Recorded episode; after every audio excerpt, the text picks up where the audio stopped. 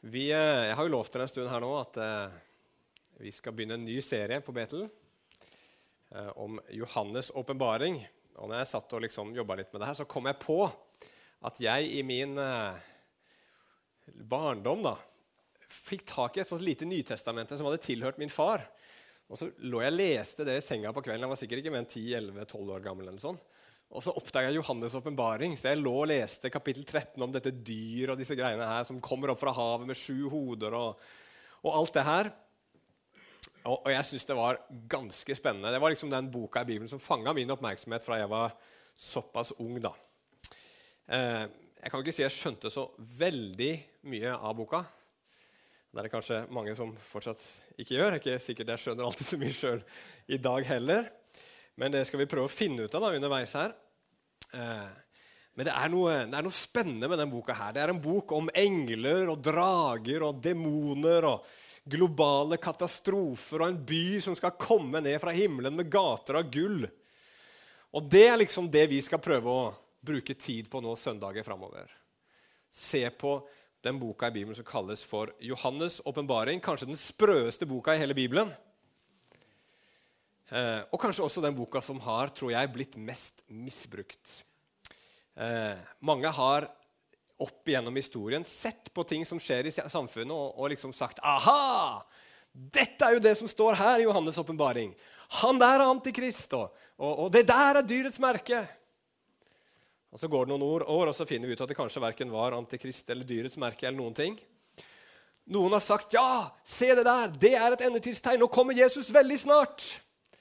Og det sa de for 500 år siden. Eller for 20 år siden. Eller for veldig kort tid siden. Og noen sa, 'Jeg vet når Jesus kommer.' Han kommer den 13. september 2009, eller et eller annet sånt. Og så er det alltid noen som tror på det. Selv om det står i Bibelen at vi kan ikke vite dagen, og vi kan ikke vite, vite timen. Jesus han har ikke kommet ennå.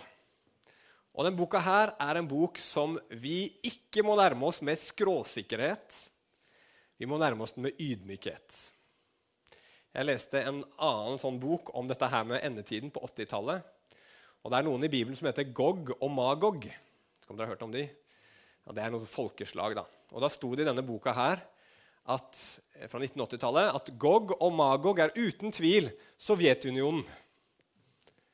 Og, og, Jeg vet ikke om det er noen som husker Sovjetunionen lenger. Ja, noen som husker det, så vidt, ja. Sant? Vi må være ydmyke, for det er så mange ting i den Bibelen der som ikke er så lett å forstå. Men Johannes er en veldig spennende bok, selv om den har skapt mye forvirring. Og jeg håper at ved Guds nåde så skal denne serien her bli mer Johannes' åpenbaring enn Johannes' forvirring. Skal vi be om det? Eh, og Vi skal snakke i dag om, eh, om, eh, Helt i begynnelsen av boka komme inn på en liten sånn, hva skal vi si, en slags introduksjon til boka. For å finne ut hva i all verden er dette for noe. Hva er dette merkelige som vi skal inn på nå? Og vi skal snakke litt om hva slags bok dette er, for det første. For det andre hva den handler om. Og til slutt skal vi snakke litt om hvorfor den ble gitt oss.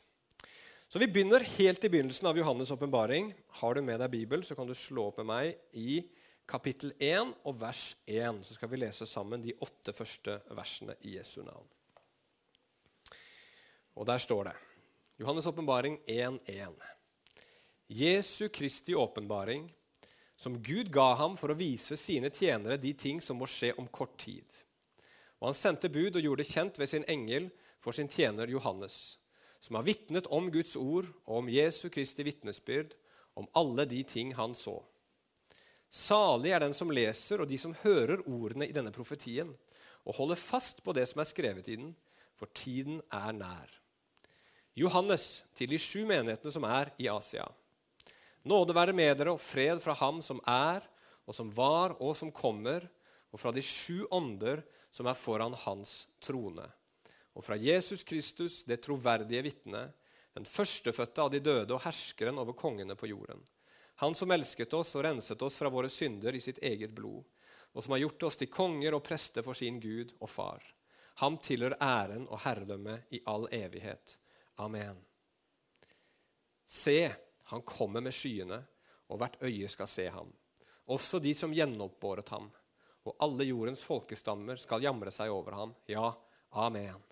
Jeg er alfa og omega, begynnelsen og enden, sier Herren. Han som er, og som var, og som kommer. Den allmektige. Ja, kjære himmelske Far. Vi bare takker deg, Gud, for at vi kan få lov å gå inn i enda en bok i Bibelen, Herre, og, og se hva du vil si til oss gjennom den, Herre. Gud, takk at ditt ord er levende, takk at det er virkekraftig, Herre. Om det er Det gamle eller Det nye testamentet, så er det ditt levende ord.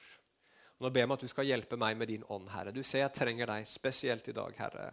Kom over meg og hjelp meg å finne ordene, Herre, og si ting, Herre, slik som du vil det skal bli sagt. Og så ber jeg om at vi alle sammen, ved Guds nåde, ved din hjelp, Herre, må få være god jord som du kan så inn i. Amen. Ja, Tittelen i dag er 'Hva i all verden er dette?' Og Vi skal begynne med å snakke om hva denne boka er for noe. For hva slags bok er egentlig Johannes' åpenbaring? Når vi leser innledning, så hører vi for det første at det faktisk ikke er Johannes' åpenbaring, men det står at det er Jesu Kristi åpenbaring. Som Gud ga til Jesus for at han skulle vise sine tjenere det som snart skal skje. Og så brakte han bud via en engel til Johannes, som skrev dette ned. Så dette er en åpenbaring. Og hva er en åpenbaring? Hva betyr det i Bibelen? Jo, det ordet som brukes i Bibelen som beskriver åpenbaring, det er et ord som beskriver en avdekning. Du vet, Når de har en statue som skal avdekkes på et torg, for eksempel, en eller annen plass, så har de gjerne en eller annen presenning eller et eller annet over. Når du kommer der, så har du ingen anelse egentlig om hva som skjuler seg under den presenningen. Du ser det er noe klumpete. Så holder ordføreren en lang tale, eller forhåpentligvis en kort. Og så tar presenningen bort, og da får alle sammen se hva det er for noe. Og Det kan jo være ymse hva som befinner seg der. Men når dekket tas bort, så ser du det. Så poenget med Johannes' åpenbaring er at vi skal få se noe. Vi skal få se noe som vi ikke så før. Så ser vi også at boka som vi skal lese nå, er et brev. Et brev fra Johannes. Hvilken Johannes er det? Vel, Det fins flere teorier på det, men jeg er nokså bestemt på at det er den Johannes som var Jesu Kristi apostel. Det er uten tvil han som har skrevet den, som har skrevet eh, både Johannes brever og Johannes evangelium. Og Han skriver et brev til syv menigheter som ligger i vest, dagens Vest-Tyrkia. Det står her Asia, og det var en romersk provins der i det området på den tiden. Så det er ikke så veldig langt ifra der hvor dere holder til, i Romania. Dette brevet her beskrives også som en profeti. Altså et ord ifra Gud. Og Profeti trenger ikke beskrive framtiden, men veldig ofte så gjør en profeti det i Bibelen. Og så står det også at denne boka er Guds ord, og det er Jesu vitnesbyrd. Her er det i Johannes' åpenbaring, så sprø som denne boka enn kan virke på noen av oss, så er det Gud som taler. Det er Gud som taler, og når Gud taler, så bør vi og må vi lytte. Om det er i første Mosebok, eller om det er i Johannes' åpenbaring, eller en bok midt imellom.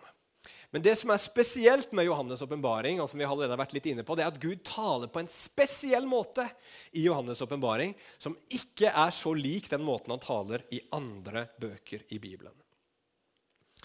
I vers 1 så står det at Jesus gjorde denne åpenbaringen kjent for Johannes.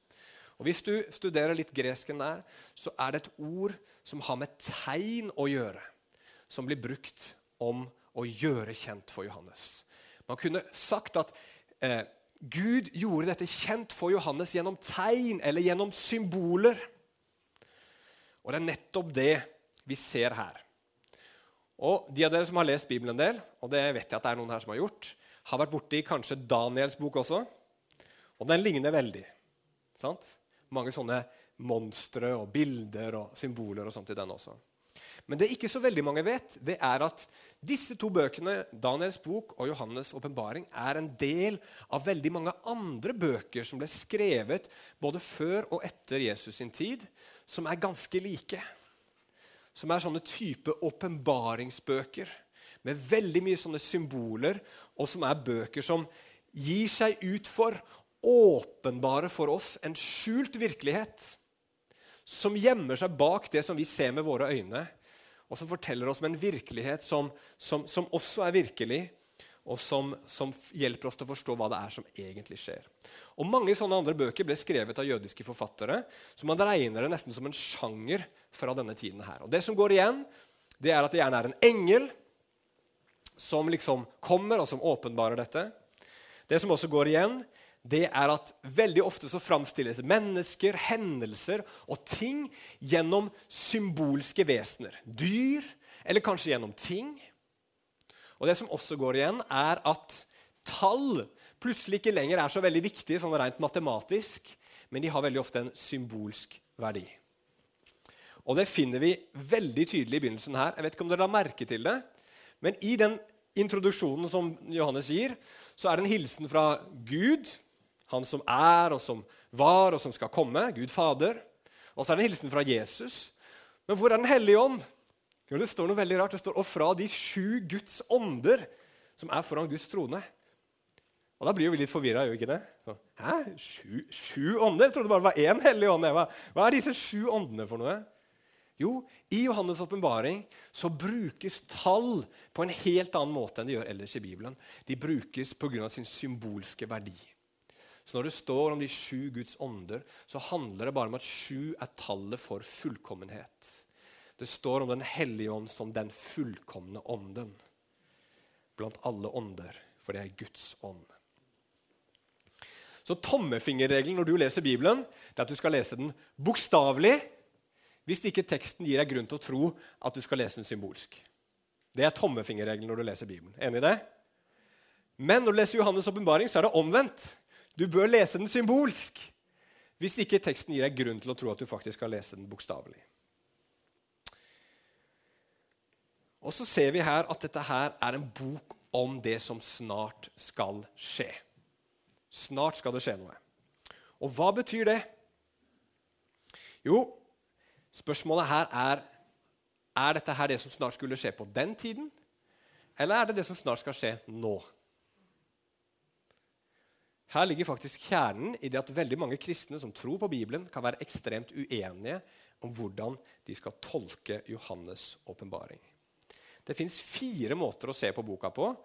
Og folk er uenige da om man skal regne med at mesteparten har skjedd allerede, eller om nesten ingenting har skjedd ennå. Nå skal vi kjapt bare gi en oversikt over hvordan folk tenker om den. Noen sier at stort sett hele boka ble oppfylt i fortiden. Det er bare litt igjen i slutten av boka som gjenstår å bli oppfylt. Det kaller vi for den preteristiske tolkningen. hvis du er veldig interessert. Og så er det noen som mener nei, denne boka her, Johannes' åpenbaring, den er en bok som åpenbarer ting som skal utfolde seg gjennom hele historien fra Jesus, til, altså fra Jesus kom første gangen, til han kommer andre gangen. Og Da mener man at man befinner seg sånn cirka midt inne i Johannes' åpenbaring. Mye har allerede skjedd, men det er også mye som gjenstår. Det kaller vi for den historiske måten å se det på. Noen mener at det som står i Johannes' åpenbaring, det er for det meste i framtiden. Det er nesten ingenting av det som har skjedd ennå. Og det som skal skje, det kommer til å skje rett før Jesus kommer tilbake. Det kaller vi det for den futuristiske. Og så er det de som mener at det som står i Johannes' åpenbaring, egentlig er bilder på det som hele tiden holder på å skje i og med Guds menighet. Altså et bilde på den kampen som stadig vekk står mellom mørke og lys, mellom Satans makt og Gud. Så for så sier jo Johannes i et av sine brever at dere har hørt at Antikrist skal komme. Sant? Det skal komme en eller annen sånn figur en gang i framtiden som skal gjøre opprør mot Gud, lede hele verden i opprør mot Gud. Men så sier han men jeg sier dere antikristens ånd er allerede nå i verden. Ikke sant? At, den, at denne her boka, Johannes' åpenbaring forteller oss faktisk noe om hva som skjer her og nå. Det kaller vi for den idealistiske tolkningen. Og I pinsebevegelsen så har vi stort sett vært på den der nummer tre der, at det skal oppfylles en gang i framtiden. Altså at det er den futuristiske tolkningen. Problemet det er jo selvsagt at da blir det veldig ofte ikke så veldig relevant for våre liv akkurat her og nå. Er dere med på det? Det blir mest en bok som pirrer nysgjerrigheten vår. Og vi sitter der og får sånne kjempespennende utlegninger om alt som skal skje en gang i framtiden. Og så skjer det, og så skjer det, og så det. Og så sitter vi og så spekulerer vi enormt mye. Og så blir vi veldig opptatt av det. Kanskje litt for opptatte. Eh, og Derfor så har jeg tenkt å prøve å kikke litt på de andre perspektivene også. Se om de kan ha noe vi kan dra inn. Og spesielt tenker jeg at det idealistiske perspektivet. At det som står i Johannes' åpenbaring, faktisk har noe å si for mitt liv her og nå. Det skal vi prøve å se litt nærmere på. Og det håper jeg kan bli veldig oppbyggelig og spennende. For Gud er jo, som han presenterer seg her, den Gud som er nå, som var, og som skal komme. Og jeg tenker Denne boka her kan både fortelle oss noe om ting som har skjedd. Det kan være en, en, en beskrivelse av det, det kan beskrive det som skjer nå, men det skal uten tvil også være ting som oppfylles i framtiden. Så Derfor skal vi se det på litt forskjellige synsvinkler. Så Det er litt sånn overblikk over boka nå. Litt teori. Håper det går bra. Men så er det et kjempeviktig spørsmål når vi nærmer oss Johannes' åpenbaring, og det er hvem er det denne boka her handler om? For mange tenker sånn som meg da jeg leste da jeg var liten, at dette er jo boka om Antikrist. ikke sant? Dyret som stiger opp fra havet med, med syv hoder og ti kroner, og, som var dels leopard og dels løve og dels bjørn. Wow! Og jeg syns jo det var det mest spennende. Men boka Johannes' åpenbaring er som resten av Bibelen og er som denne menigheten her. Den handler om Jesus. Amen. Og Når det står i begynnelsen her 'Jesu Kristi åpenbaring', så kan det åpen, kan det også oversettes 'åpenbaringen om Jesus Kristus'. Når det står her i, eh, i vers eh, ja, to eller tre, eller hvor det var vitnesbyrdet om eller eh, eh, Jesu Kristi vitnesbyrd, så kan dette oversettes også vitnesbyrdet om Jesus Kristus. Når det står her at denne boka er Guds ord, så vet vi at hos Johannes så er Guds ord nemlig et synonym på Jesus Kristus. Det er han som blir åpenbart i denne boka. her. Og Derfor tenker jeg at vi kan være så frimodige at vi tar for oss Johannes' åpenbaring her på Betel søndag etter søndag etter søndag, for det peker hele veien på Jesus, og det er han vi vil løfte opp. Og Når vi snakker om Jesus, så er det så ufattelig viktig i den tiden vi lever nå, at vi definerer hvilken Jesus vi snakker om. For det fins så mange Jesuser der ute akkurat nå. Muslimene har sin Jesus. De jødene som ikke tror ennå på han som Messias, de har sin Jesus. Jehovas vitner har sin Jesus. Noen teologer og prester har sin Jesus. Eh, eh, mannen i gata har sin Jesus. Alle har sin versjon av Jesus, men i veldig mange tilfeller så er det ikke den virkelige Jesus. For den virkelige Jesus, det er den Jesus som vi finner her. Og den Jesus som vi finner i Johannes' åpenbaring, og som står beskrevet i det vi nettopp leste. Hvilken Jesus er det snakk om her? Jo, eh, Johannes han nevner fire ting om Jesus. Han nevner Jesus for det, for det første som det troverdige vitnet. Jesus, det troverdige vitnet. Og vi lever i en verden full av fake news. Det har vi lært fra mediene nå alt jeg på å si, at, at de er ikke til å stole på. De er fake. Men det er ikke akkurat noe nytt. Historien er full av løgn og usannheter. Fordi mennesket er fullt av løgn og usannheter. Det står i Bibelen at 'la det stå fast'. Gud er sannferdig, og ethvert menneske er en løgner. Og Mennesker kommer gjerne i to kategorier når det gjelder de som forteller usannheter. Det er de som med vitende og vilje forteller løgn fordi de vil på en eller annen måte manipulere deg til sin egen fordel. Kjenner dere til sånne? Enten så sier de det motsatte av det som er sant, eller så utelater de viktig informasjon for at du skal tro det de vil at du skal tro. Men så har du også det at veldig mange, egentlig i grunnen alle, ikke vet bedre. Vi mennesker vet ikke alt. Vi kjenner ikke alt. Vi forstår ikke alt. Selv de mest intelligente og dyktige menneskene, selv forskere og vitenskapsmenn, tar feil. Og hvordan i all verden skal vi leve i en sånn, sånn verden? Full av mennesker som vi ikke kan stole på. Enten fordi at de virkelig ikke vil fortelle oss sannheten, eller fordi de ikke kan fortelle oss sannheten. Og da er det gode nyheter. Det fins en som vi kan stole så mye på at vi kan bygge livet vårt på den han er, og på det han har sagt. Det er Jesus Kristus. Han er det troverdige vitnet. Hans ord står fast, og det finnes ingen løgn i han. Han kunne aldri talt løgn, og han vet alle ting. Han kan du bygge livet ditt på. Han er sannheten. Så det er det første. Jesus åpenbares her i denne boka som det troverdige vitne, som den førstefødte, også nummer to, fra de døde, eller av de døde. Er du klar over det, eller tenker du over det? Har du tenkt over denne uka her at en dag skal du dø? En dag så tar dette livet her slutt. Og I vårt samfunn så er ikke det en sannhet som vi så veldig ofte tar inn over oss. Vi ser veldig lite død rundt oss, kanskje sammenligna med, med, tidligere generasjoner. Og det er heller ikke sånn de fleste steder lenger nå at skal du gå til kirka, så må du gå forbi en hundretalls graver som minner deg på at du ikke skal leve evig her på jorda. Men vi skal dø alle sammen. Dødelighetsprosenten er fortsatt 100% Og hva gjør vi med det? Hva gjør vi med det faktum av at alle de som du er glad i, og som du noensinne har vært glad i, og alle de som er glad i deg, de kommer til å bli borte en dag? De kommer til å forsvinne. Alt godt og vakkert kommer, til å, kommer vi til å miste. Kjærligheten selv vil ikke, vil ikke vare hvis det er sånn at døden har det siste ordet. Men Bibelen sier her at Jesus er den førstefødte av de døde. Det er ikke døden som har det siste ordet, sier Bibelen, men det er Jesus Kristus som har det siste ordet. Når han er den førstefødte av de døde, så betyr det for det første at han var den første til å stå opp. Men så er det mange som skal stå opp etter han, av at han sto opp først, ved at han vant over døden. Og For det andre så betyr det at han er den som har autoritet over døden. Førstefødte kan også bety den som er i autoritet.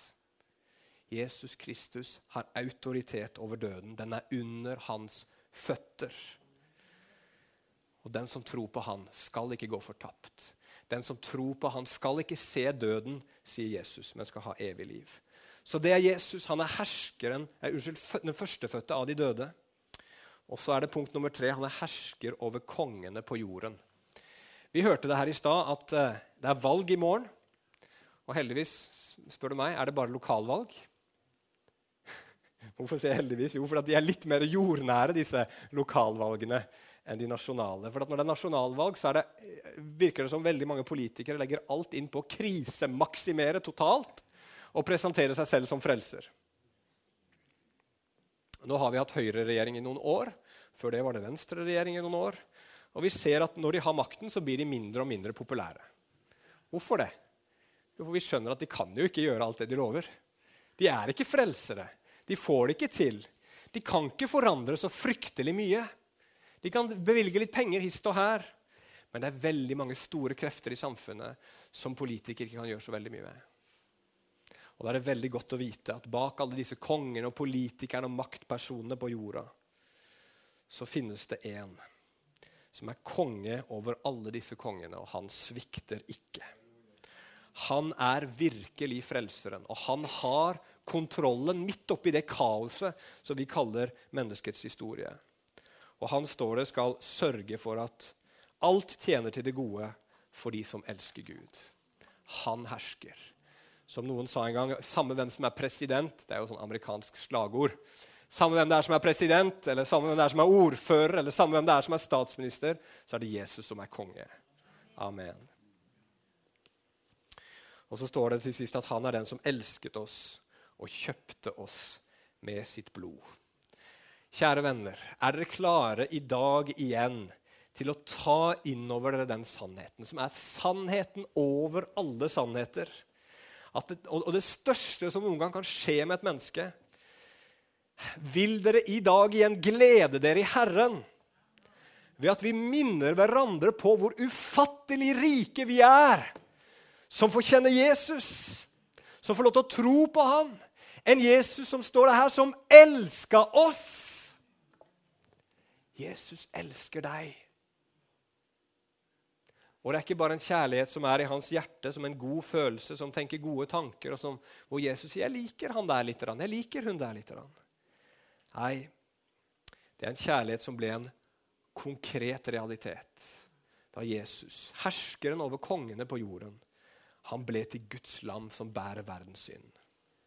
Tenk at den som var, han som var så høyt oppe, fornedra seg for deg og for meg for å betale prisen for å kjøpe oss fri fra syndens makt.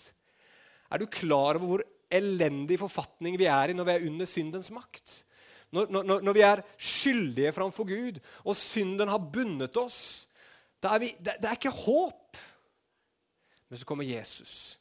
Og så Ved sitt eget blod så kjøper han oss fri, så at vi skal få det evige livet. Så at vi skal bli satt fri fra syndens makt og kjenne Guds. Og så står det videre her at vi har blitt et kongerike av prester. At du og jeg skal få bli prester for Gud.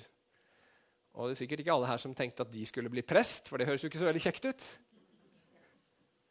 Men prest i Bibelen det er den som får lov til å komme nær Gud.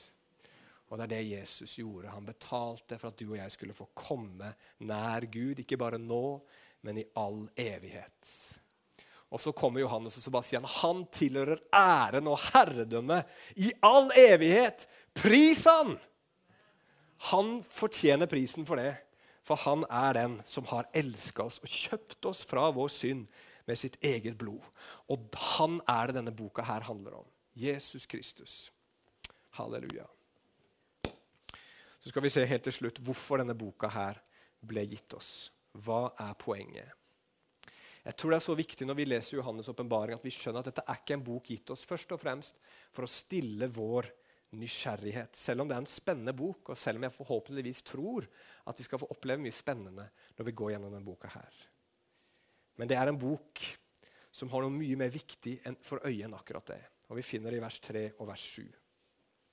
Der står det Salig er den som leser, og de som hører denne profetien og holder fast på det som er skrevet i den Se, han kommer med skyene, og hvert øye skal se ham, også de som gjennombåret ham. Og alle jordens folkestammer skal jamre seg over ham. Ja, amen. Bibelen er helt klar og tydelig på det at Jesus kommer tilbake. Og Da skal alle mennesker se han. Så står det til og med de som har gjennombåret han, og da er det en referanse til jødene. Og det virker litt sånn utrolig selv for mange kristne, at en dag skal liksom Jesus komme igjen. Virkelig fysisk sette sine føtter på Oljeberget i Jerusalem. Så er det litt vanskelig, Vi blir litt sånn vantro. Er, er, det, er det, mulig? på en måte? Kan vi virkelig forvente at det skal skje så konkret, så fysisk? Og så er det mange som tenker nei, det høres bare for fantastisk ut. Det høres bare for liksom fjernt ut. Kan ikke stemme.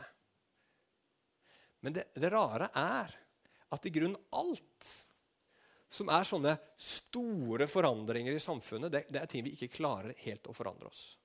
Eller forestille oss med det. Bare husk på for eksempel, ja, husk på Når kommunismen kom til Russland i 1917 det er Kanskje ikke så mange som husker det. Men det var ingen ett år i forveien der som ante at de der dramatiske forandringene skulle skje i samfunnet. Det var et nokså åpent samfunn. Det var et nokså så, så, eh, fritt samfunn på mange måter. Og så snudde det bare på veldig, veldig kort tid. Ett år før 1940 så var det veldig få mennesker her i Norge som kunne forestille seg at plutselig skulle tyskere, nazister, ha makten i dette landet her og marsjere i gatene, vi skulle bli fratatt vår frihet. Fordi at vi mennesker har en tendens til å tenke nesten automatisk at sånn som vi har det nå, sånn skal det fortsette i det uendelige. Men sånn er ikke virkeligheten. Vi aner fort fred og fare. Fred og ingen fare. Men vi burde ane ingen fred og fare, da, for å si det sånn. Fordi at ting skjer. Og sånn er det med Jesus sin gjenkomst òg.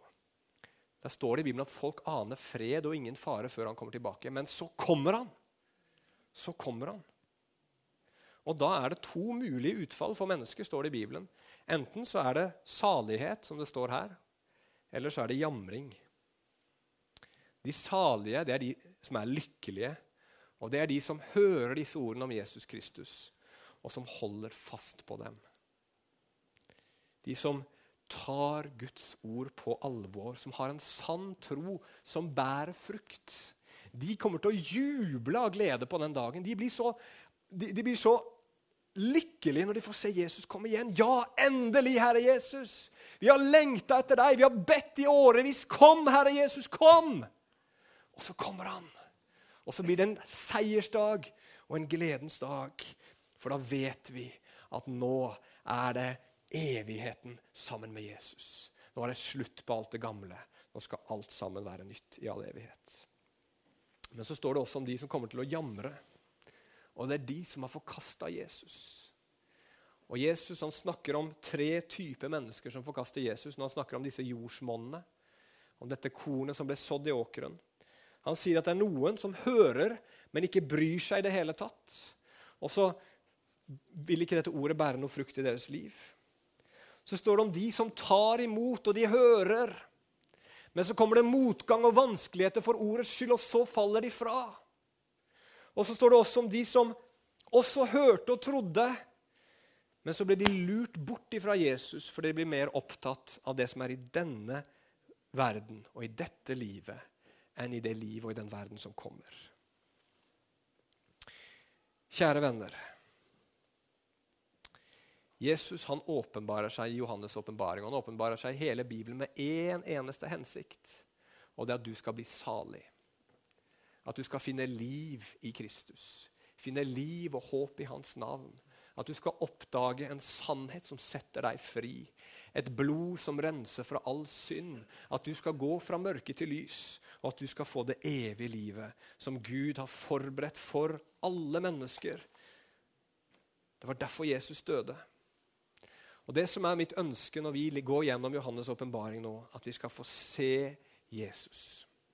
Og at vi skal få se den usynlige virkeligheten som vi er en del av. For vi står i dag i en åndelig kamp. Og vi merker ikke alltid det når vi sitter nå etterpå ved, ved, ved middagsbordet ved, liksom, og spiser søndagsmiddagen og, og, slapper av. og Skal vi se på litt sport i ettermiddag kanskje, eller ut og gå en tur eller et eller annet. Men vi står i en kamp. Vi står i en åndelig kamp midt i denne verden nå, og den handler om menneskers sjeler. Og det mennesket trenger, er å se Jesus. Og det vi kristne trenger, det er å se Jesus. Og se denne kampen sånn at vi kan være våkne. Hele veien. Ikke gi oss, ikke stoppe, ikke falle fra og falle av underveis. Ikke forkaste Jesus, men holde oss til han gjennom fristelser, gjennom prøvelser og nå fram til det målet som Gud har for oss. Skal vi be til slutt. Kjære himmelske Far. Herre, vi takker deg for at vi kan komme nå i Jesu navn og tro at gjennom at du døde for oss, Jesus, så har vi blitt himmelborgere. Og Hjelp oss i dag å se dette, hjelp oss i dag å ta det imot, hjelp oss i dag å leve i den sannheten. Vi ber om det i Jesu navn. Hjelp oss i dag å være våkne. Amen. Amen.